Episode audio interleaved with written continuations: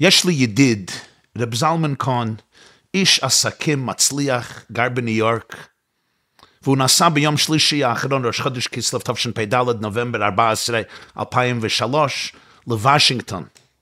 להכינוס הגדול, הפגנת תמיכה בישראל, בחיילי צה"ל, אחינו בני ישראל בכל העולם כולו, והפגנה נגד האנטישמיות המחרידה שפרצה בעולם בעקבות הטבח המחריד של שמחת תורה תשפ"ד. לערך 300 אלף יהודים השתתפו בהכינוס במעמד בוושינגטון, וחסידי חב"ד כדרכם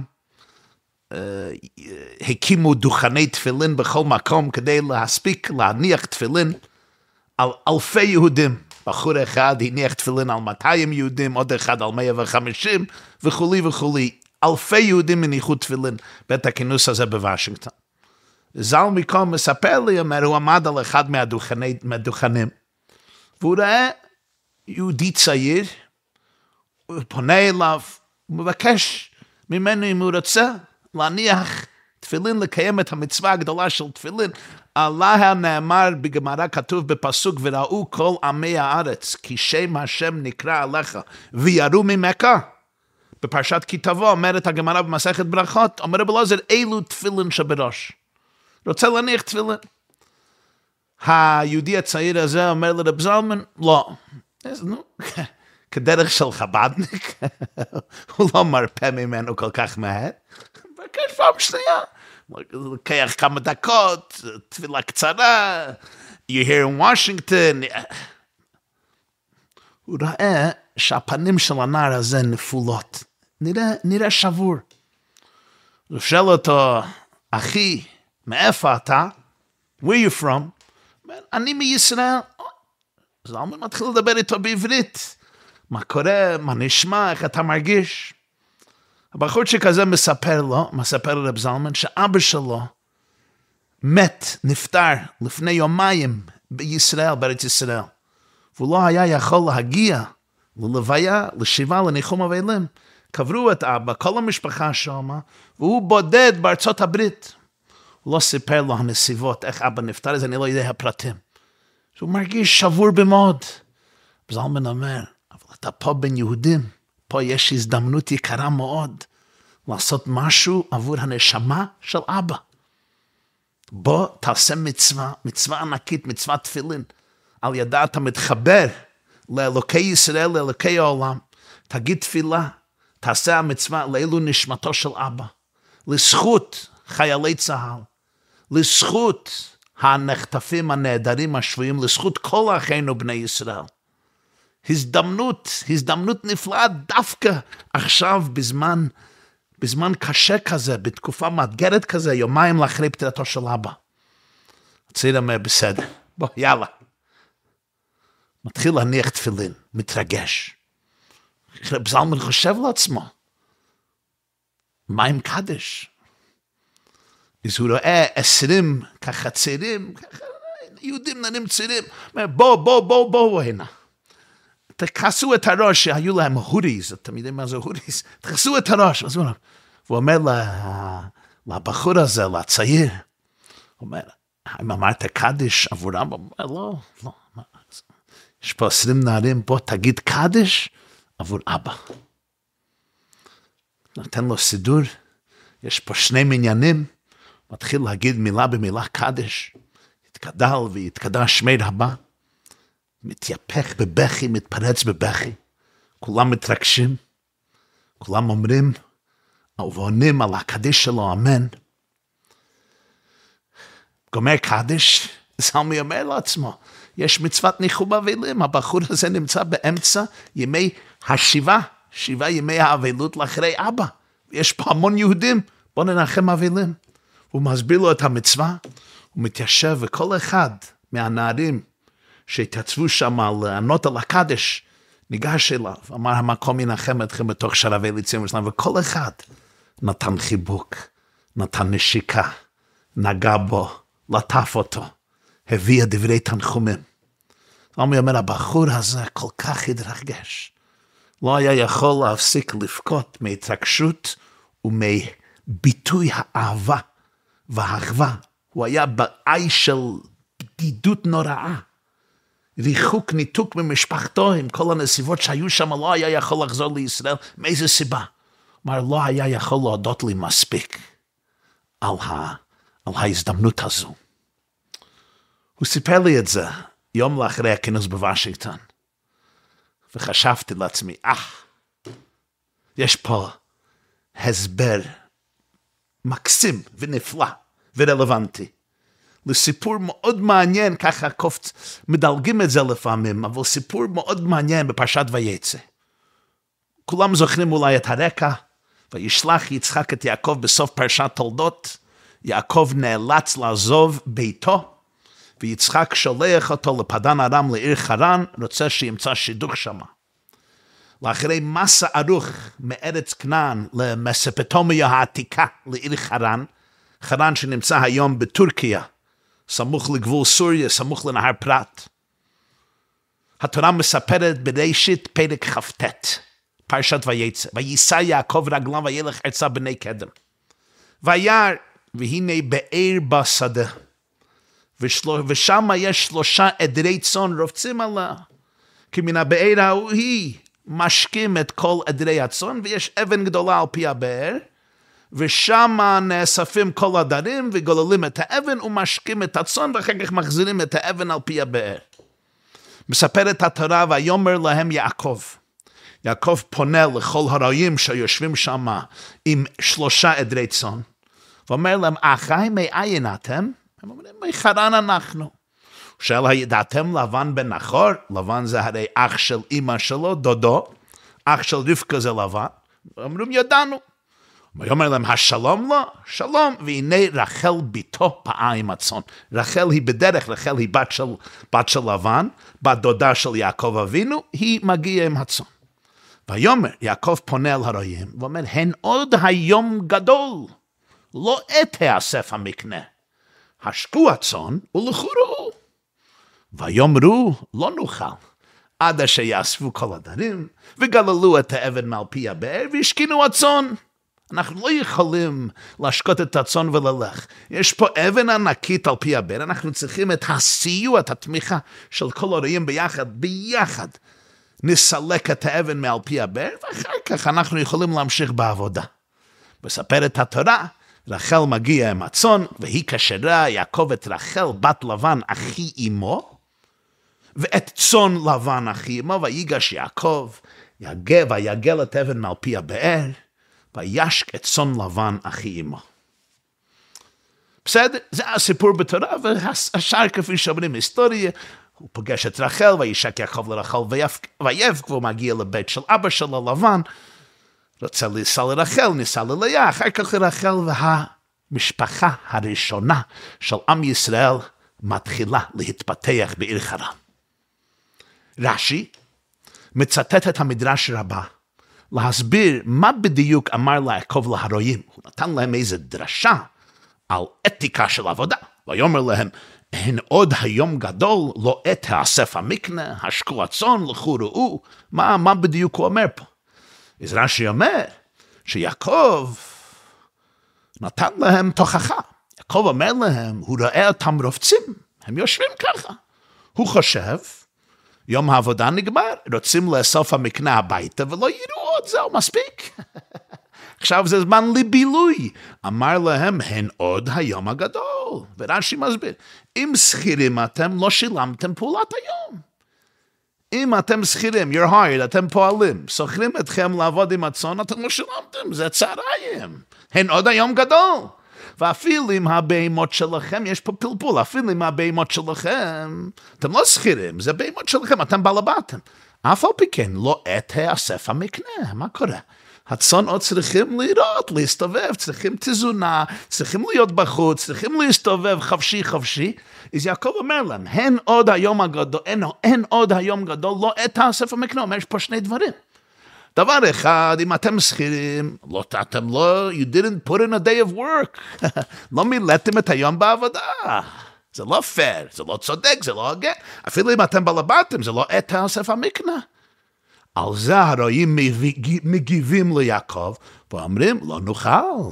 עד שיאספו כל הדנים וגלו את אבן על פי הבאר. כלומר, אנחנו לא גמרנו את יום העבודה, רוצים לחזור למרעה, רוצים לחזור להסתובב ולה, ולהנחות את הצאן וליתן להם יום מצוין פה בהשדות, זה בסדר, אבל הם צריכים מים.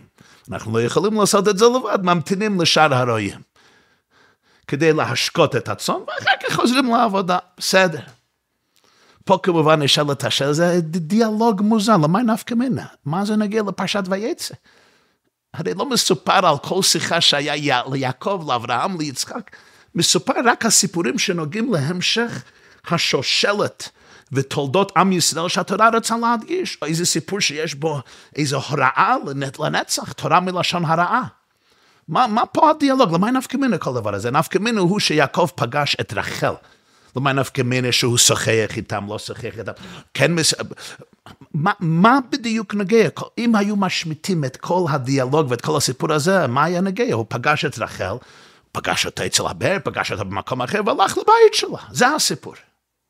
הרמב"ן, רבינו משה בן נחמן, שואל את השאלה הזו, והוא אומר, יעריך הכתוב בסיפור הזה להודיענו כי קרובי השם יחליפו כוח, ויראתו תיתן עוז, כי יעקב אבינו בא מן הדרך.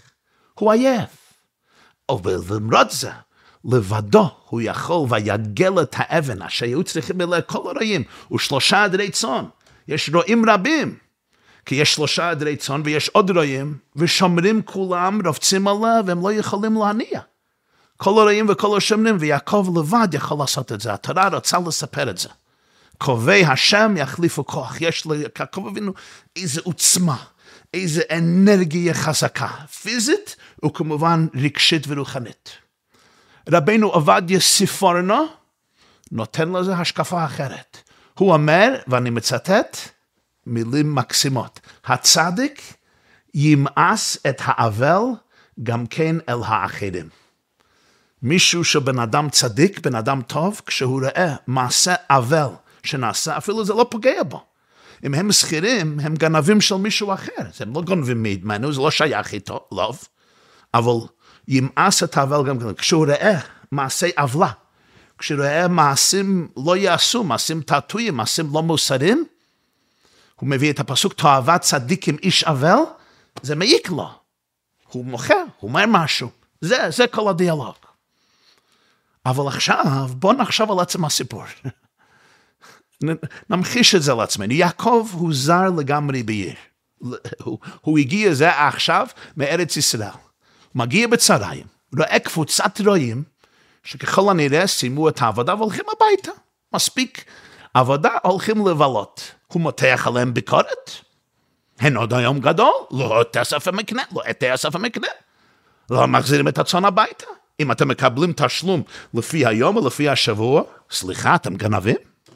אתם גנבים, אתם לא נאמנים. אפילו אם אתם עובדים בשבור עצמכם, אתם מזניחים את האחריות שלכם לעדרי הצאן. אז הרועים מסבירים ליעקב, לא הולכים הביתה, לא הולכים לבלות, לא הולכים לעשות כיף, הם מחכים ששאר הרועים יגיעו כדי להסיר את האבן הכבדה המכסה את הבאר, שיוכלו להשקות את הדרים ולחזור לראות את הצאן. לא רק שהם לא מתעצבנים מהביקורת של יעקב, לא רק שהם לא כועסים עליו, אפילו לא מתעלמים ממנו, they don't ignore him. מקדישים זמן להסביר לו את התופעה, את הסיבה לאיסוף הצאן מוקדם כל כך. תארו לעצמכם את הסצנה הזו. אתם נכנסים לקפטריה. מאפייה, קפה, מסעדה ליד המשרד שלכם עם כמה חברים לעבודה, לוגמים קפה. זר שמעולם לא ראיתם, נכנס למסעדה, לקפטריה. הוא מארץ זרה, המראה, הלבוש, התחושה שלו מפגינים שהוא איש זר לגמרי. הוא מתחיל לדבר על כולכם ואלו דבריו. זה לא בסדר מצדכם לשבת כאן. הן עוד היום הגדול, חזרה למשרד לעבוד. מה אתם יושבים פה גולמים קפה? תן לי להיות ספציפי. הוא ממשיך את נאומו וההטפה שלו. אם משלמים לכם לפי יום השבוע, אז אתם פשוט גנבים, אתם גונבים מהבוס שלך. אתם לא משקיעים יום שלם בעבודה. ואפילו אם אתם הבוסים של עצמכם, מה ההתנהגות הזו להתעצל באמצע היום? לא תאסף המקנה. מה תהיה תגובתך או תגובת החברים שלך לאיש הזה? האם היית בכלל מגיב לנודניק הזה? אפילו אם כן סביר להניח שתאמר לו. ור bist du? אם זה ביידיש. אם זה באנגלית, who are you? What's your business? בעברית, מה אתה מתערב? מי אתה בכלל? מה אתה מכיר על החיים שלי? המחשה אחרת, אולי מדויקת יותר. אתה נוסע ורואה פועלי בניין. פועלי בניין אמורים לתקן צינור, לסלול לחוב, לבנות בניין, לתקן חשמלים, לתקן ברז מים עבור מכבי אש, השעה שתיים, שלוש בצהריים. אתה שם לב שהם יושבים בחיבוק ידיים, מפטפטים, עושים בדיחות. עובדי המדינה, עובדי העיירה, במקום לעבוד, יושבים על הקרקע, מדברים אחד עם השני. זה לא שעת ארוחת צהריים. אתה תוהה מה הם עושים שם, נו, אתה ניגש אליהם, לא רעיון, אה, לא רעיון טוב מסתם, אבל אתה ניגש ואומר, חבר'ה, אתם יודעים, זה לא ממש בסדר, אתם יושבים פה שתיים, שלוש בצהריים, משלמים לכם על יום עבודה שלם. מיסים, של... מיסים שלנו, מיסים שלך, אתה מארצות הברית, אתה אפילו לא מפה. משלמים לכם על יום עבודה שלם, אין עוד היום גדול, יש עוד הרבה אור. לא השקעתם את שמונה השעות שלכם, מה אתם עושים? מה תהיה תגובתם? במקרה הטוב היו אומרים לך, או לא, תעוף מפה, מי שאל אותך? אולי במקרה אחר התגובה הייתה אגרסיבית יותר, ואני לא צריך להיות, uh, לפרט. דבר אחד אני בטוח, העובדים לא יפסיקו כל מה שהם עושים, ויתחילו לשתף אתכם בכל לוח הזמנים שלהם. ובכן, עד כמה שכל זה נשמע מוזר, זה בדיוק מה שהתרחש עם יעקב. זר מוחלט ניגש לקבוצת רועים, חלקם אולי נמצאים בעבודה ל-40 שנה, הם עושים את זה 40 שנה, מתחיל להטיף להם איך הם עושים הכל לא בסדר. התגובה הטבעית הייתה צריכה להיות, אדוני, אנחנו עושים את זה 40 שנה. האחד בא לגור וישפוט שפוט, מי אתה ליתן לנו עצות? ביי ביי, ביי ביי, שלום. כיצד הצליח יעקב לקבל תגובה כה הפוכה? מה היה הקסם שלו? מה היה ה magic שלו, מה היה הכוח שלו, איך הוא גרם לרועים זקנים לאמץ את הביקורת שלו ולהסביר לו בנימוס למה הם עושים מה שהם עושים. אני רוצה לדעת איך הצליח יעקב להוציא תגובה כזו. כי אני חושב על המציאות הזו במקרים אחרים, ואני משער שבדרך כלל התגובה הייתה הרבה אחרת, אם בכלל היית זוכה לאיזה תגובה. התשובה לשאלה זו היא פשוטה מאוד. וגם עמוקה. את התשובה ראיתי בספר, זה נקרא אמת ליעקב. זה פירוש של החומש מאת הגאון המפורסם רבי יעקב קמנצקי. הוא היה אחד מגאוני אמריקה, היה למד בסלבודקה בליטא, הגיע לטרונטה לאמריקה, בסוף ימיו היה ראש ישיבת תורה ודת. ישיבה מפורסמת בישיבה, אחת מהישיבות הכי um, ישנות בארצות הברית. ישיבת תורה ודעת בברוקלין, ניו יורק, הוא נפטר בשנת תשמ"ו, 1986, תשמ"ו, אודר תשמ"ו. והוא כותב את זה באמת ליעקב, בספרו, הפירוש אומרים לו יעקב. גם ראיתי את הפירוש הזה בשם הרב מפונוביץ'. הרב מפונוביץ', כידוע, היה רבא של עיר פונוביץ' בליטא, הרב הגאון רבי יוסף שלמה כהנמן, אשתו וילדים אה, נאספו בשואה, הוא היה מחוץ למדינה. הוא ניצל, הגיע לארץ ישראל בשנות ה-40, והוא בנה המון ממוסדות התורה והחסד בעיר בני ברק. הרב מפונוביץ' נפטר באלול תשכ"ט, 1969. המפתח להצלחתו של יעקב הייתה מילת הפתיחה שלו. מה מילת הפתיחה של יעקב אבינו? הוא ניגש אל הבאר, הוא רואה כל עדרי הצאן, כל הרועים שיושבים שמה, ומה הוא אומר להם? ויאמר להם יעקב, אחי, מאין אתם? ויאמרו מחורן אנחנו. אחר כך הוא אומר, הנה את היום גדול, לא את הזמן, אז הוא אומר, מה זה אחי? אחי? הם אחים שלו? הם קרובים שלו? אברהם אומר ללוט בפרשת לך לך, אנשים אחים אנחנו. אנשים אחים אנחנו. באמת, היו קרובי משפחה, היו ידידים, כפי שרש"י מסביר שמה. מה זה אחים? הם היו אחים של יעקב, זרים לחלוטין. לא אחים מבחינה סוציאלית, לא אחים מבחינה ביולוגית, לא אחים מבחינה אידיאולוגית רוחנית. יעקב מגיע ממדינה אחרת, מארץ אחרת, מתרבות אחרת, מהובי אחר. יכול להגיד להם, שלום, מה נשמע? מה זה אחי? meine Brüder, אחים שלי, my brothers. מה הכוונה? ולמה הוא אומר את זה? אבל פה, פה, נמצא כל המפתח. בגלל שיעקב, בגלל שיעקב אחר כך יגיד להם דברי תוכחה. התורה מספרת לנו הוראה נפלאה. וההוראה הנפלאה זו תמונה במילת המפתח, מילת הפתיחה, מפתח מלשון פתיחה. אחי. לו היה ניגש אליהם ואומר, חבר'ה, עצלנים, קומו וחזרו לעבודה, בטלנים, תגובתם הייתה שונה לגמרי. יעקב פתח את שיחתו בהתייחס אליהם כאחים שלו. הוא הסתכל על אנשים שלא הכיר מוקדם, ואמר מילה אחת, אחי, וזה עשה את כל ההבדל. וואו, כמה זה נכון ביחסים עם בני הזוג, עם ילדים, נכדים, חברים, חברות תלמידים. ובכלל, כל מי שאנחנו פוגשים, יעקב פגש פה אנשים שלא הכיר מעולם. לעתים קרובות, יהודי אומר לי, כבוד הרב, אשתי עושה הרבה טעויות. אני כל הזמן אומר לה לתקן את זה, אבל היא רק כועסת עליי. אישה אומרת לי, בעלי שלמזל אמיתי. אני מנסה להעיר לו יפה, שום דבר לא מועיל. לא מקשיב. הורם מספר, אבא ומספרים, ילדים שלי עושים טעות נוראיות, אבל הם דוחים את כל העצות שלי, לא מעוניינים. יעקב אבינו נתן לנו פה דרך, מילת הפסיכה צריכה תמיד להיות אחי, אהוביי, יקיריי, ידידיי, רעיי כמו נפשי, אבל באותנטיות, לא מדבר על המילה. תיתן אמת ליעקב חסד לאברהם, יעקב מידתו אמת, באותנטיות, באמיתיות. אשתך צריכה להרגיש שאתה דואג לה, שאתה מוקיר אותה, אתה מכבד אותה. איך הרמב"ם כותב בהלכות, בהלכות אישות, הוא מביא מגמרא יבמות, וזה גם בשולחנו, ציוו חכם שאדם אוהב את אשתו כגופו, ומכבדה יותר מגופו.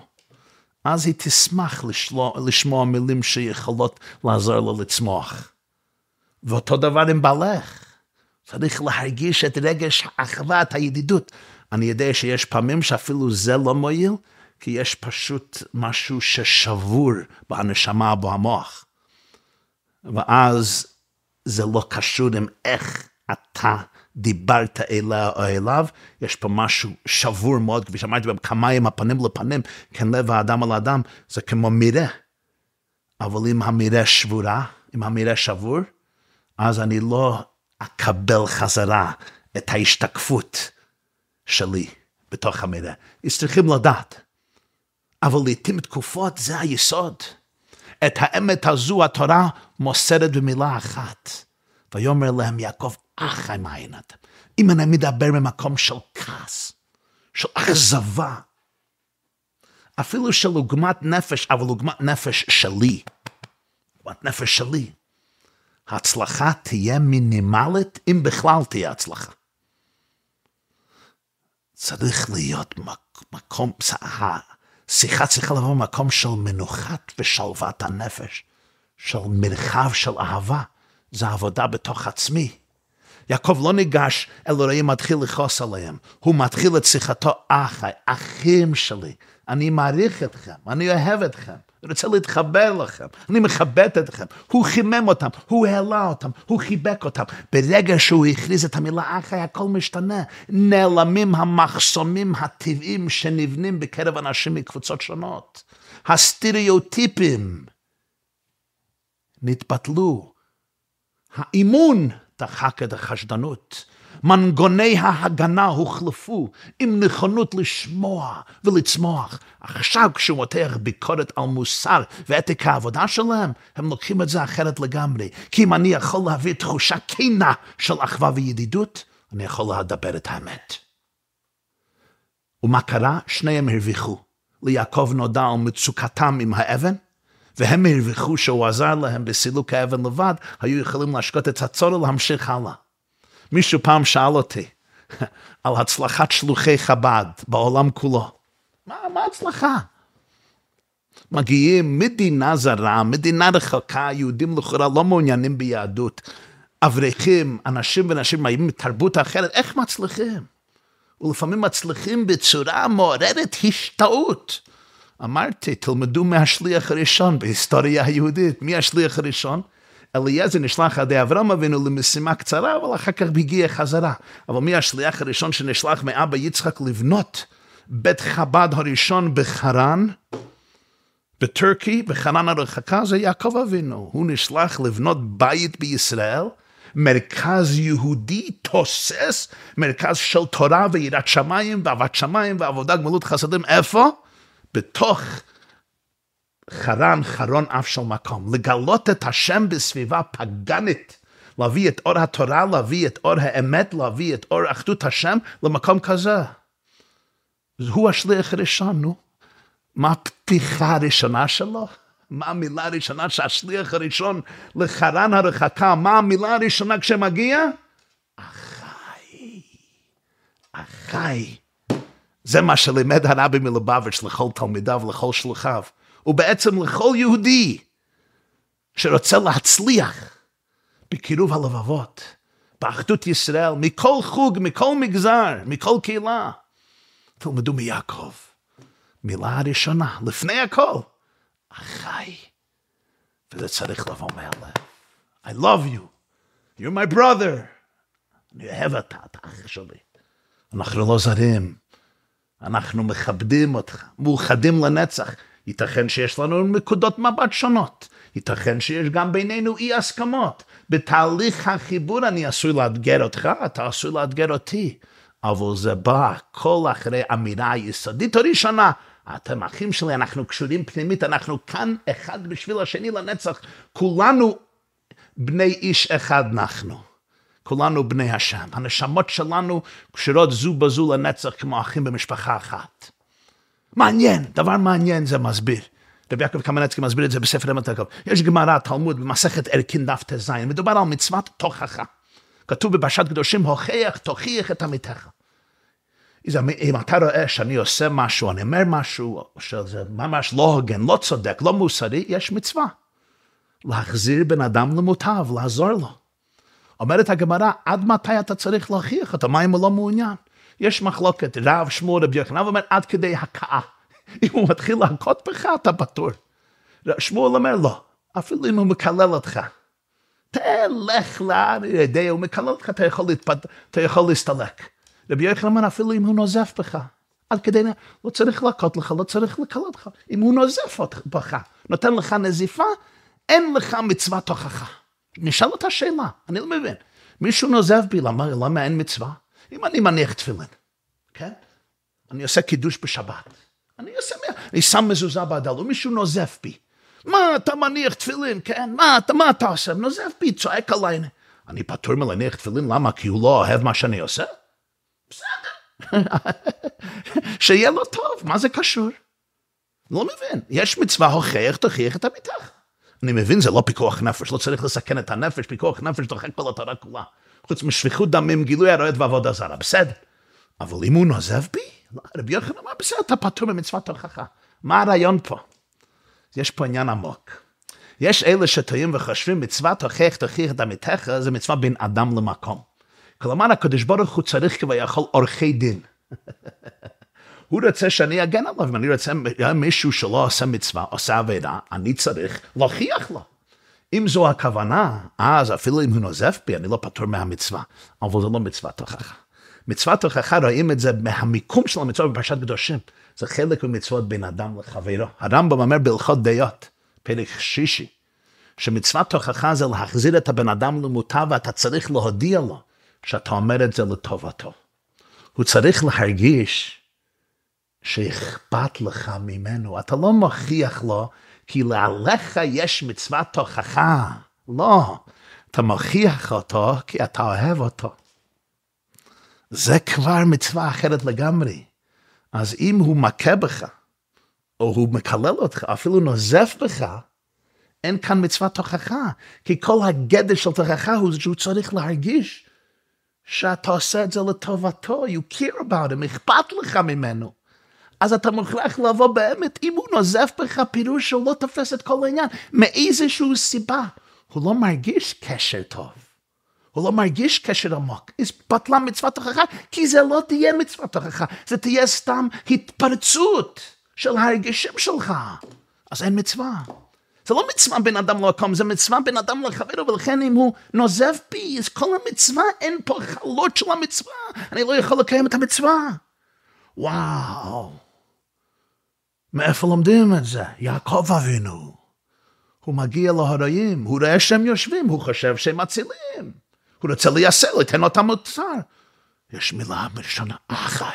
הוא צריך לשאול את עצמו, לפני שאני מתחיל להגיד להם למה אתם עושים עוול, אני צריך לשאול את עצמי, האם אני מרגיש שהם אחים שלי?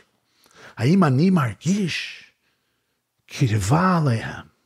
האם אני מכבד אותם, מעריך אותם, מוקיר אותם, אוהב אותם? ולכן הוא יכול להגיד מילה זו לאנשים שהם זרים, הם לא אחים, לכאורה. אבל אם הם לא אחים, הוא לא יכול לדבר עליהם. תסתכלו בפרשת וידע, לויט פונה לאנשי סדום ואומר, אל נא אחי תרעו. מאיפה אנשי סדום נעשו אחים של לוט? שם עוד אפשר להסביר שהכירו אותו מהעיירה, הם גרו בסדום. אבל איך זה נכנס פה? כי לוט נתן להם תוכחה, והראיה הם אמרו לו, האחד בא לגור וישפוט שפוט? הם ידעו שהוא מוכיח אותם, הם לא היו מסוגלים לשמוע, אבל לוט השתמש במילה, על נאחי תרעו. למד את הגישה הזו מהדוד אברהם אבינו. יצחק אבינו למד את זה כמובן, ויעקב אבינו. ורואים את זה גם בדור האחר כך, בדור הבא, בפרשת וישב. יעקב שולח את בנו יוסף לראות את שלום אחיו, שרואים, גם רואים, רואים בשכם. יוסף הולך, אבל הוא טועה, הוא הולך לאיבוד בדרך. וימצאהו איש, ושואל את יוסף, מה תבקש? ומה יוסף אומר? ויאמר את אחי אנוכי מבקש. אני מבקש את אחי. וואו, אפשר להגיד שהפירוש הוא פשטות, מבקש את אחי. אבל עכשיו אנחנו מודעים לעומק דבריו. עשרות שנים קודם לכן הצליח אבא יעקב אבינו להשתמש במילה הזו, אחי, כדי להסיר חשד וליצור קרבה עם זרים. היום יוסף נאבק, נאבק למצוא אותה גישה, אותו קשר אפילו עם אחיו הביולוגיים. אני מחפש את אחי, אחי אנוכי מבקש. אני מחפש למצוא את מילת הקוד הזה, אחי, כדי לגלות את המרחב האינטימי והטהור הזה בתוכנו, שבו אנחנו יכולים להרגיש כמו אחים, ולאחוז ולהידבק זה בזה כדי לצמוח יחד. בפעם הזו זה ייקח 22 שנה. הם ישלחו אותו, ישלחו אותו לבור, ימכרו אותו לעבד, ייקח 22 שנה עד שהוא ימצא את האחים. ואז יגיד להם בפרשת ויגש, אני יוסף אחיכם, אשר מכרתם אותי מצרים. ופירש בעל אור החיים הקדוש, אני אחי, יוסף אחיכם אשר מכרתם אותי מצרים. הם לא ידעו? הוא אומר, אני הייתי אחיכם אפילו כשמכרתם אותי מצרים. גם אז הייתי אחיכם, את אחי אנוכי מבקש. בוושינגטון, זלמי, ידע להיגש ליהודי הזה, רוצה להניח תפילין, לא ולא, רוצה לא ולא. אחי, אחי, מה קרה? אחי, ומה קורה בסוף? מניח תפילין, מתפלל, אומר שמע ישראל, זוכה להגיד קדיש לנשמת אבא, זיכרונו לברכה. זוכה לקבל ניחום אבלים, כל הנערים מקיימים מצווה של ניחום אבלים, מתקיימת פה מצוות אהבת ישראל, ארבע מצוות תפילין, קדש, ניחום אבלים, אהבת ישראל. מילת המפתח, אחי, באותנטיות, באכפתיות, בדיבוק, לא מן השפה או לחוץ. לפני המלחמה קצת הייתי בישראל במשפחה, הייתי ברעננה, נכנסתי למאפייה עם כמה מילדים לקנות משהו. בסדר, קנינו איזה משקאות, אז uh, זה שעמד שם, שאלתי אותו כמה זה. הוא אומר, לחינם. לחינם. הסתכלתי עליו, אמרתי, למה? למה? אתה, אתה לא מכיר אותי, למה? מסתכל עליי, מחייך ואומר, למה לא? וזהו. למה לא? היום רואים את זה בארץ ישראל בצורה לא רגילה, החי. התפרצות של אהבה ואחדות, אחווה, החי.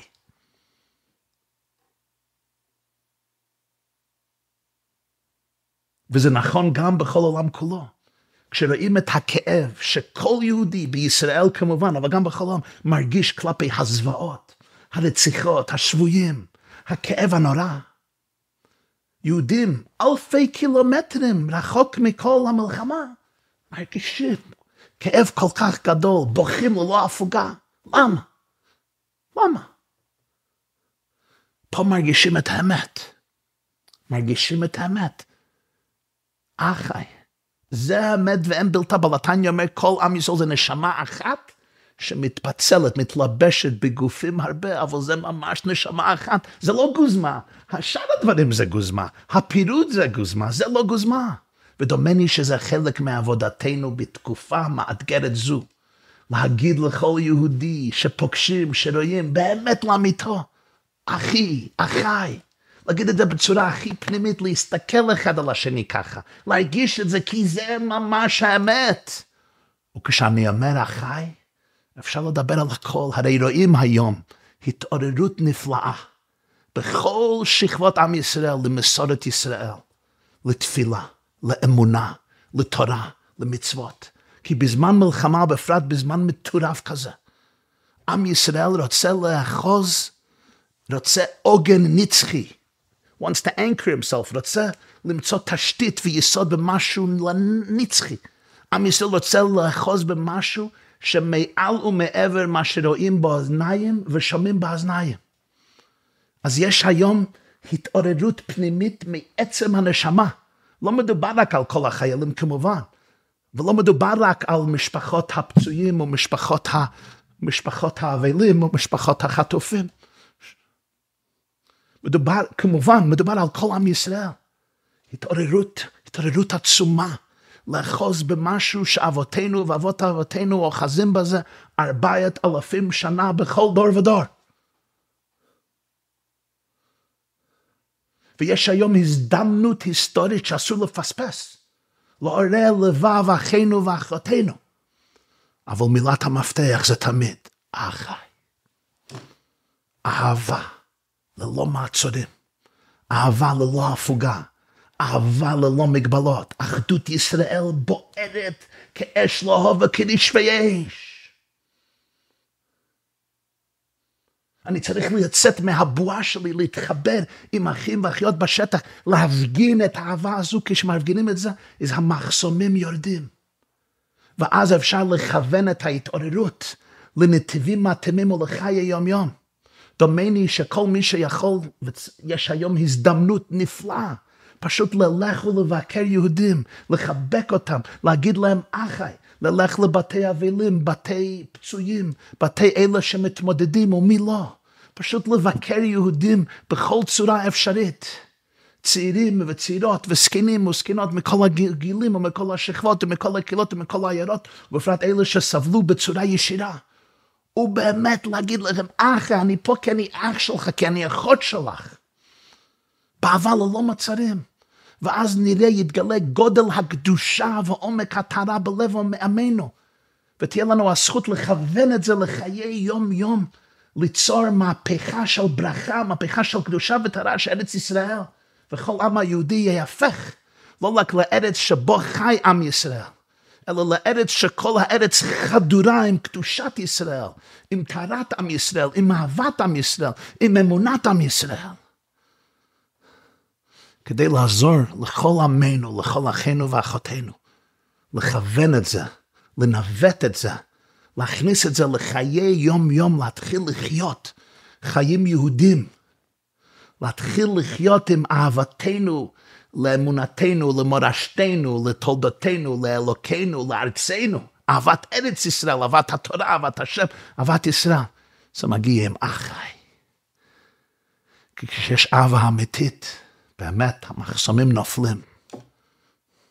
ואז בני אדם נפתחים, ורואים מה שבאמת מעיק להם, ומה שהם באמת רוצים, ומה כל יהודי רוצה, איך אמר בעל התניא, ייד נשתר ויל, ונשתר כן זין אפגשט פון אלוקות.